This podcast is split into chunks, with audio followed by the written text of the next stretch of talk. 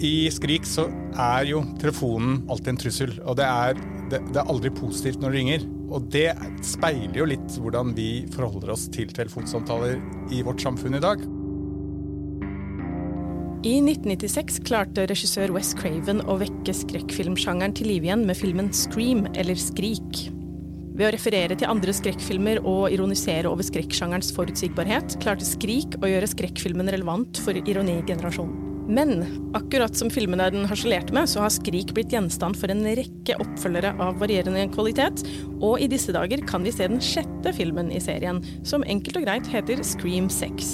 Og akkurat som i de foregående Skrik-filmene, så spiller telefonen en viktig rolle. Velkommen til Morgenbladets filmpodkast. Jeg heter Viviana Vega, og i dag har vi toppa laget. I studio har vi Morgenbladets kulturjournalist Elise Dybvig. Hallo. Hei, hei og filmanmelder Ulrik Eriksen. Hei. Hei. Og i tillegg har vi med oss Aksel Kielland på linje fra Bergen. Hei, Aksel. Hallo. La oss uh, først snakke litt om Skrik-filmene.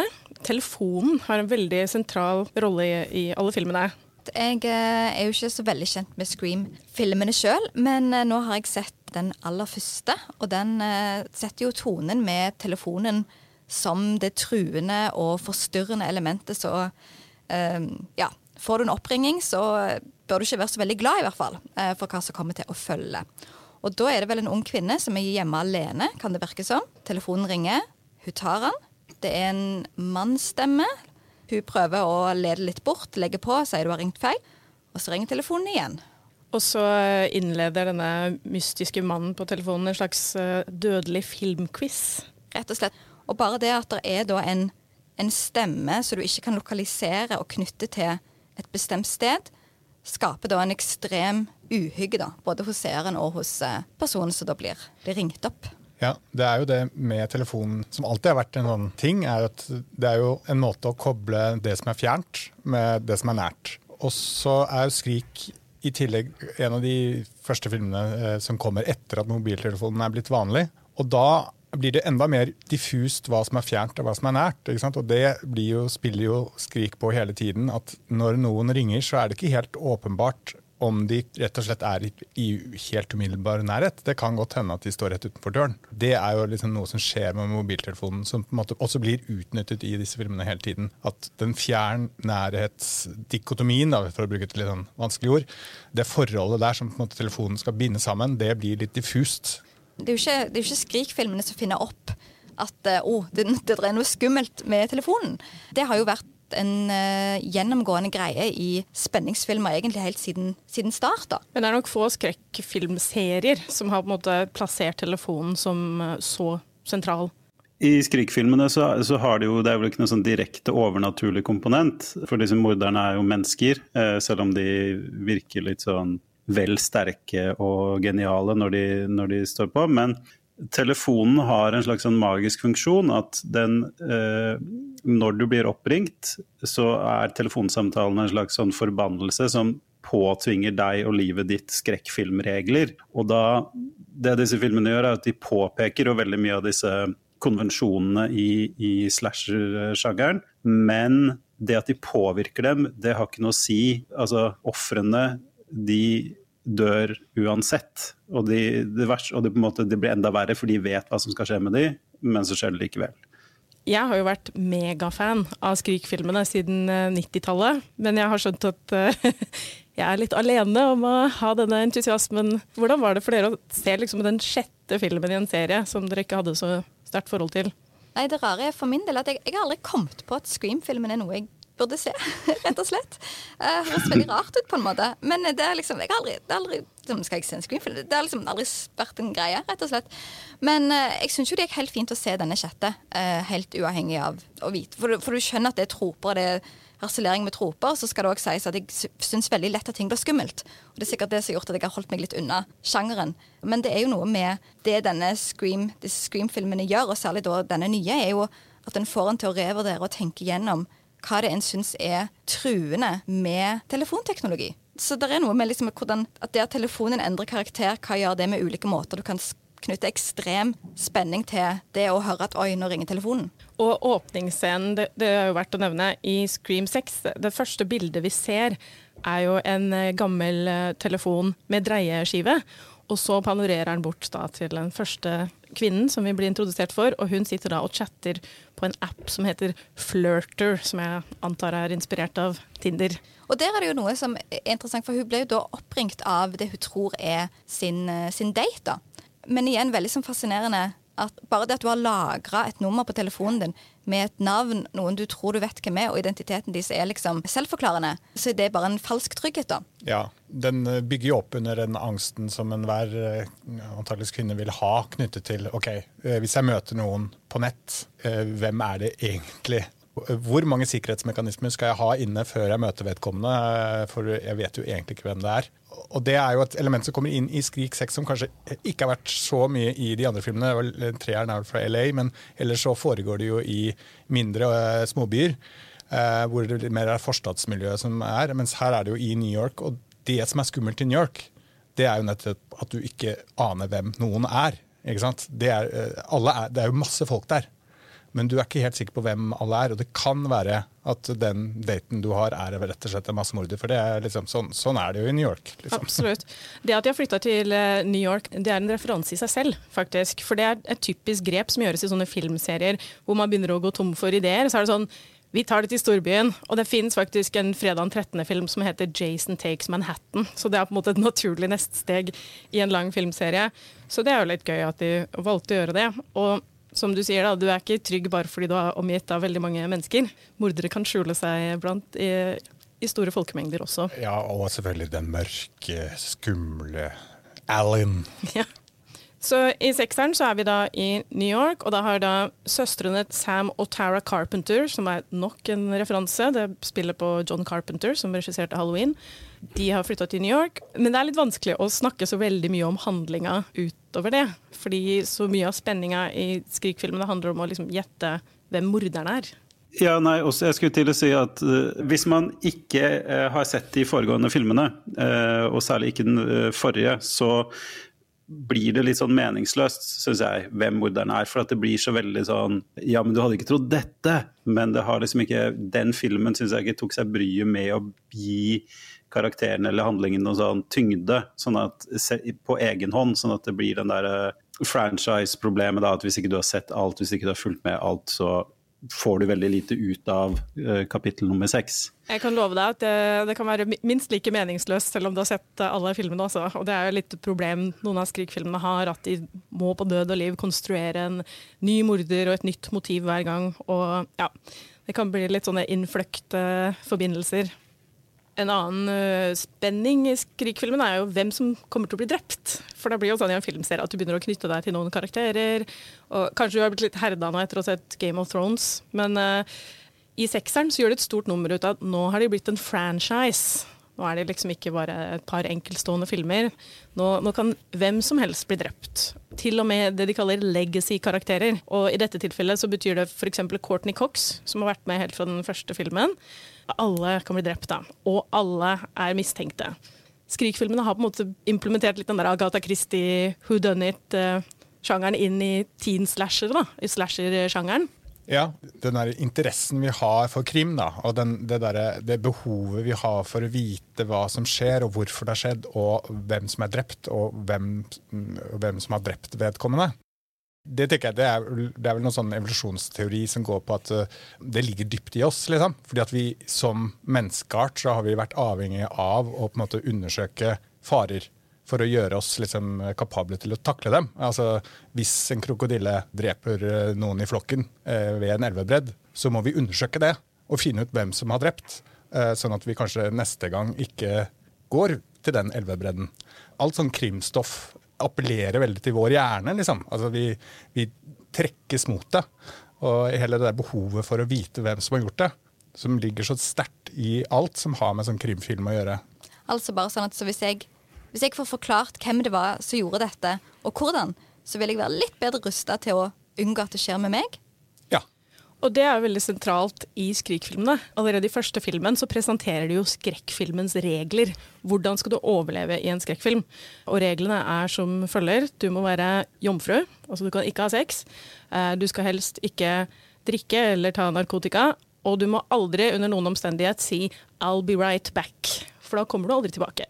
Så de legger det jo fram. Men likevel så går jo folk i, i fella rett som det er. Ja, og jeg, altså jeg syns jo den første Skrik, Scream-Skrik-filmen, da den kom, så syns jeg jo Jeg husker jeg likte den godt. og Den er jo et eksempel på liksom, si, kommersiell postmodernisme, da, som man så mye av på, på 90-tallet. Sånn, altså filmer som, ikke, som, som, gjorde et poeng ut av at det refererte til film. Altså, det er jo noe du finner fra, fra liksom dette til komedier og til, til Tarantino.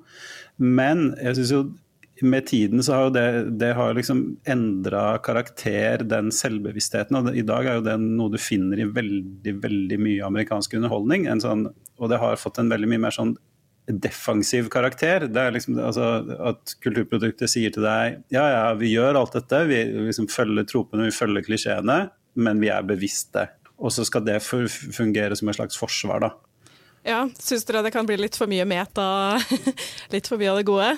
Ja, eh, metaperspektivet blir noen ganger litt sånn trøttende. Eh, og det føles ikke like friskt i dag som det gjorde på 90-tallet. Og, og jeg tenker også Det er et element av det der som, som også var noen sånn 90-tallsting som var liksom friskt, eh, eller i hvert fall litt annerledes. Det var at man på en måte brukte vold, nesten glamorifiserte eller glamoriserte vold.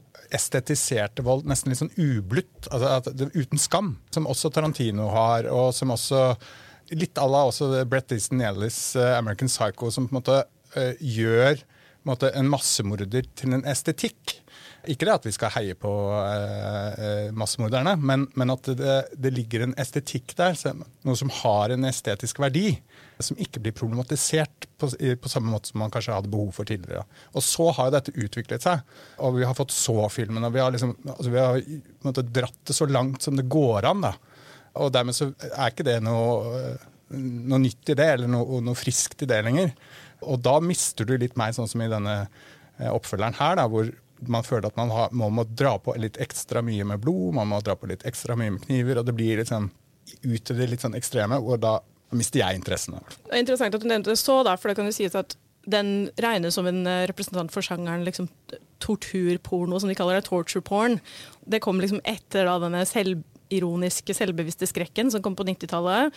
Og så gikk den på en måte over i litt mer sånn psykologisk eh, skrekk, sånn som type Ari Aster, 'Midtsommer', 'Hereditary', ikke sant? Eh, og Jordan Peel, 'Get Out'.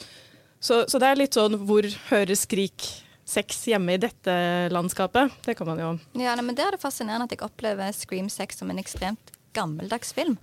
At det var som om Her kunne jeg gjerne tenke å sitte og spise popkorn og se filmen, og så føles det noe litt sånn nostalgisk i, i det å bare skrekk og kinokveld, liksom. Men tar du bort metaaspektet, så er det en veldig streit, streitere enn Agatha Christie, liksom. Når det gjelder, måte? Når det gjelder liksom oppsettet med noen som dreper noen, og hvem er det, og ah, det var derfor. Ganske enkelt. Ja. Eller liksom at, at det, det, er de intertekstuelle lagene der de refererer til andre skrekkfilmer, som er det gøyale som holder det i gang, da. Men til og med det er, som sagt nå når det ikke er 1995 lenger, så føles det litt um, been there, done that. Kanskje. Men selv om de putter inn smarttelefoner? Ja, ja. ja. Nei, men jeg, jeg, vil si at det er et skille her, da. Sånn som den starten du mener du snakka om. altså starter med bilde av um, gammel telefon med dreieskive. Uh, du går over på en app, og så går du over på en mobiltelefonsamtale. Det er jo en mye smartere kommentering og behandling av disse tingene enn denne helt eksplisitte dialogen. som snakker om franchises som snakker 'du er mistenkt, du er mistenkt' i henhold til reglene. Jeg, jeg, jeg ikke, For min del så var det faktisk voldsscenene som gjorde sterkest inntrykk. For jeg syns at de bryt de var så drøye, altså de var så brutale i forhold altså at uh, Kontrasten mot resten av dette veldig sånn uh, strømlinjeforma, ufarlige universet ble ganske sånn effektiv. da. Og Det er jo en av tingene som gjør at Skrik skiller seg litt ut. Det er en ganske intim form for vold. Det er ikke sånn som de andre filmene som den refererer til, hvor du har et sånt monster som Michael Myers eller Jason som bare går etter deg. De, de, de løper aldri, de går, og de kommer til å ta deg uansett. Mens i Skrik så er det mye mer sånn slåssing og, og fysisk kontakt da, mellom morderen og offer og sånt. Men så er det også noe med hvordan kameraet dveler på kniven eh, og, og, sårene. Altså det, en, altså det, slekter jo på giallo, altså italiensk eh, skrekk-slasher-tradisjon, hvor eh, ja, sånn som Ulrik uh, snakka om på 90-tallet, det dette er jo da 60-70-tallet, men at man liksom dyrka og fetisjerte disse veldig ekle knivscenene i en veldig stor grad.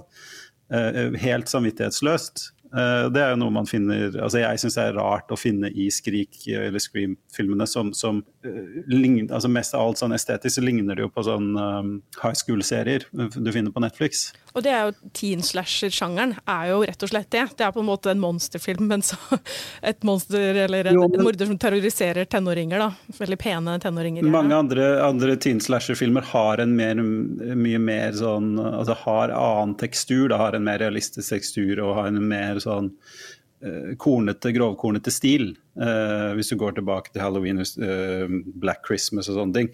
Mens, mens det, det, her er så utrolig glatt. da i, i overflaten, i hvert fall denne sekseren.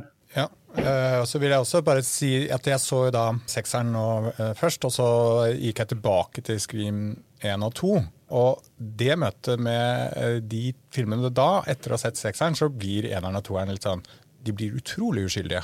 For at, som du sier, Aksel, så er jo, de tar det opp a notch med, med, i sekseren. Og jeg ikke, jeg har ikke sett femmeren, så jeg vet ikke hvor, hvor voldelig den er. Men antall drap og mengden av blod er veldig mye større eh, i sekseren enn i eneren og toeren. Før jeg så Scream 6, så hvis noen spurte meg hvordan blir folk drept i Scream-filmene, så ville jeg ikke klart å svare. Men eh, så bare for å, for å ta det, er det sånn at det, det, det, er knivstikking all the way, og det er det det går i. Stort sett. Det er, det er noen som blir klemt i hjel i garasjedører det, ja. og sånne ting. Men det er ikke like Og så blir det gjerne stukket i magen, ikke disse greiene? Jo, veldig ofte. Og da er, åpner du også muligheten for at de kan overleve òg, da. Så det er jo litt sånn som dere vet i actionfilmer, hvis du blir skutt i skulderen, så, så overlever du. Det er helteskuddet. Men Skrik har jo da etterstreba alltid å ha en litt mer realistisk form for vold da, enn f.eks. Fredag 13., som er noe av det mest overdrevne jeg tror du finner. hvor liksom, ja, de, de, har sikkert funnet flere hundre forskjellige måter å drepe personer på. Så her er det litt mer sånn enkelt og rent, da, i gåseøynene. Det har funnet sin greie. Jeg tenker at uh, Det er jo ikke helt feil at det kommer nye Skrik-filmer nå, for det er jo ganske mye sånn 90-tallsnostalgi ute og går i TV, og 80-tallsnostalgi. Og jeg tenkte på etter at Stranger Things kom ut i 2016, så har det vært, liksom, det har vært en bølge av moderne skrekkfilmer og serier som er satt til 80- og 90-tallet. Og så begynte jeg å tenke, har dette noe med at det var en tid før smarttelefoner eksisterte? Har liksom moderne kommunikasjonsteknologi blitt et problem for eh, skrekksjangeren? Ja, det har i hvert fall vært en, en sånn Altså jeg tror at Telefonen har jo på en måte vært eh, et sånt element som har blitt brukt som en mulighet. Det har vært en redningsplanke, det har vært en mulighet til å få hjelp. Det er, det er, det er både en trussel, men også et, et hjelpemiddel. Og, når, og, det har vært en greie selvfølgelig at man kan ikke ha mobildekning, man kan ikke ha eh, muligheten til å ringe, fordi da vil man på en måte kunne eh, søke til hjelp. Og, og, hjelpen skal jo ikke være mulig å få. Det er liksom en klassisk greie. Det er jo ikke sånn at det er umulig å gjøre det. Spørsmålet er bare hvordan man velger å løse det. Men det utfordrer jo på en måte tankene. Og jeg syns Skrik eh, får til det veldig bra, å liksom videreføre og gjøre på en måte mobiltelefonen til ikke en hjelp. Den er jo aldri til hjelp, nesten, i Skrik. Den er alltid eh, en, en fandens uh, grusomhet. Den vil alltid være en trussel. Alt hadde vært mye bedre hvis man ikke hadde hatt telefon. Sant? Morderen kan ikke drepe deg hvis han ikke har terrorisert deg litt først på telefon. Ja, jeg tror det er noe med at utfordringen, særlig hvis du skal lage kanskje noe spennende i dag som involverer unge mennesker, barn, ungdom, så er vel problemet hvordan få de til å gjøre ting som ikke involverer å sitte foran en skjerm hele tiden. Og at da kutter en kanskje vekk mobiltelefonen for at de må fysisk oppsøke steder, ringe på hos folk, gå på besøk, overnatte. Det har jeg også tenkt, eh, både i Stranger Things, men også den remaken av It som kom i 2017, at det er veldig mye barn som henger rundt, og, og liksom de møtes. Nå har de juksa bitte litt i Stranger Things ved å utstyre barna med en walkietalkie, da. Så de har fortsatt muligheten til å gi noen korte beskjeder når det virkelig gjelder. Men ellers må de faktisk møtes og være sosiale. De har ikke spill på walkietalkiene sine. Nei, men altså det, det, har jo vært sagt mange ganger de siste 10-15 årene at mobiltelefonen ødelegger for skrekkfilmen. Men det den ødelegger for, er de tradisjonelle formlene fra nettopp 70-80-tallet. Og jeg tror det er det da at man Grunnen til at du ser så mye sånn uh, periodeskrekkfilmer nå, altså lagt til den uh, tiden, er jo mer nostalgi enn noe annet. Altså Hvis du virkelig vil finne en vei rundt mobiltelefonen, så greier man det. Men det er mer den der uh, at folk har etter hvert veldig sterke følelser for disse filmseriene og filmene, og så, så, vil man liksom lage noe som kan vekke det til live igjen. da. Så virkelighetstro som mulig. I Skrik så er jo telefonen alltid en trussel. Og det er det, det, er aldri positivt når det ringer. Og det speiler jo litt hvordan vi forholder oss til telefonsamtaler i vårt samfunn i dag, og kanskje særlig unge ja, og for det, det, er jo en sånn fenomen at unge i dag snakker ikke i telefon. De tar ikke telefonen når de ringer, og det gjelder jo for så vidt mange at mange ikke tar telefonen når de er et ukjent nummer. Men unge mennesker fremfor alt da snakker ikke i telefon, de sender melding eller uh, Snapchat eller et eller annet sånt. Uh, kulturen er jo lada med dette ubehaget ved telefonoppringningen, det kjenner jo alle. Og Derfor skulle man kanskje tro at det treffer litt hardere da, i, en, i en film som Scream. Men den er jo veldig tro mot en formel fra veldig lenge siden, selv om den gjør alle disse oppdateringene og selvbevisste refereringene til den, så, så bruker den jo fortsatt liksom den gamle slagplanen jeg har i forbindelse med andre ting jeg har skrevet, eh, tenkt en del og sett en del på sånne um, filmer som går motsatt vei, da, som omfavner digital teknologi. og Da har du det du kaller, som kalles enten screen life eller dataskjermgrøsseren, eh, hvor alt eh, som skjer i filmen sees via skjermen på en datamaskin. Det var mye oppmerksomhet under pandemien rundt denne britiske filmen 'Host', hvor det er en sånn okkult seanse mellom folk på en Zoom. Zoom-samtale. Og du har også De beste av disse filmene er uh, Unfriended 1 og 2. Men det de gjør, da, er jo at de først og fremst de bare på, altså filmen begrenses til det veldig klaustrofobiske, snevre rommet du har plass til på en datamaskin. altså Du forflater en hel verden ved å bare liksom begrense det du kan se og høre til data på kamera på dataskjermen. Så eh, Der har du en type film som går motsatt vei. Den omfavner det nye, men det føles litt som en gimmick selv når filmene er gode, da. Mm. Du nevnte jo um, Stranger Things og de guttenes bruk av uh, walkietalkien, Viviana. Mm. For jeg tror det er noe med at filmskapere òg trenger telefonsamtalen for å knytte sammen karakterer på to ulike steder for å skape spenning. Og det er det den walkietalkien gjør. At her har du én karakter som er der, og du har én karakter som er der. De snakker med hverandre parallelt. Du får gjerne se de ulike stedene. Men så er det noe faretruende så du kan bygge opp til i bakgrunnen hos den ene, f.eks. Nå er det ikke akkurat det Stranger Things gjør hele tiden, men telefonsamtalen lar en veldig naturlig som filmskaper knytte et sted opp mot et annet. Et trygt sted og et utrygt sted. Kanskje begge stedene utrygge, men det er i hvert fall noe med den der sømløsheten som telefonsamtalen skaper, så jeg tror det er vanskelig kanskje å oppnå på andre måter enn gjennom den oppringningen. Ja, og, det, og Du ser det jo i filmhistorien at uh, telekommunikasjon er blitt brukt som en sånn uh, dynam, altså skape dynamikk. Da, skape nettopp den sammenhengen mellom to forskjellige steder. Og i filmspråket så heter jo det kryssklipping. ikke sant? Så det er jo på en måte, Telefonen er på en måte en muliggjøring av kryssklipping eh, også. Jeg sjekket ut den The Great Train Robbery fra 1903. Den starter som er regnet som en av de virkelig første sånn, spenningsfilmene, den starter fra en telegrafsjappe. Hvor telegrafisten blir nødt til å telegrafere et tog for å få stanset det. Allerede der så skapes jo det der, uh, dynamikken mellom et sted til et annet, og, og, og, muligheten av å lage et kryssklipping som skaper ekstra mye dynamikk. Da. Ja, for da som ser så aksepterer du at nå var vi der, og så går vi der, via den telekommunikasjonen, da. Og der er det jo noe veldig fascinerende at, at telefonsamtalen, som skal jo være en måte å ikke, hente inn informasjon, få klarhet, komme i kontakt med andre, ofte blir det aller mest utrygge stedet å, å befinne seg, da.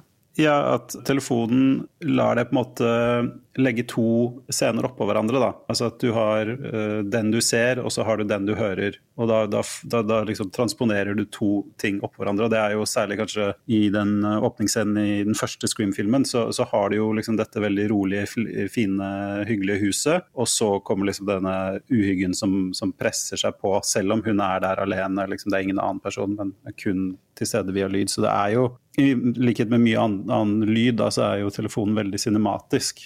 Og det føler jeg at Scream-filmene virkelig på en måte utnytter. Det der seerbehovet etter å lokalisere den stemmen som bare høres, men som ikke ses. Og uhyggen i det, rett og slett. Mm.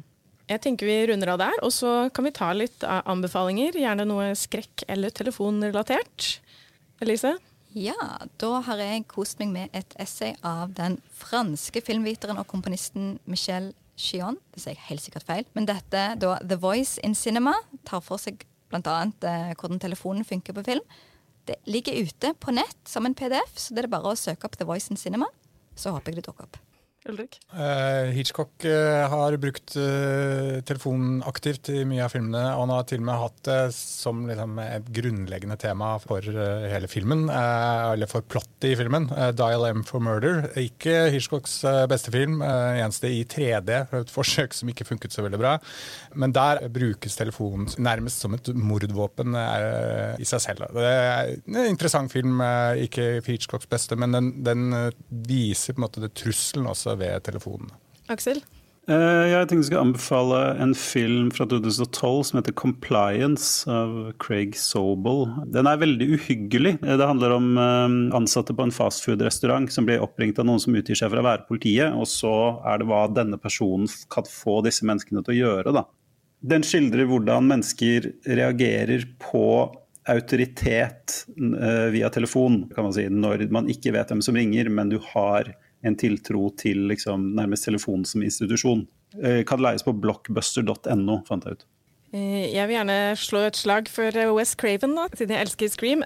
Han lagde en film som kom ut i 1991 som heter The People Under The Stairs. Og Det var faktisk den første skrekkfilmen jeg så noensinne.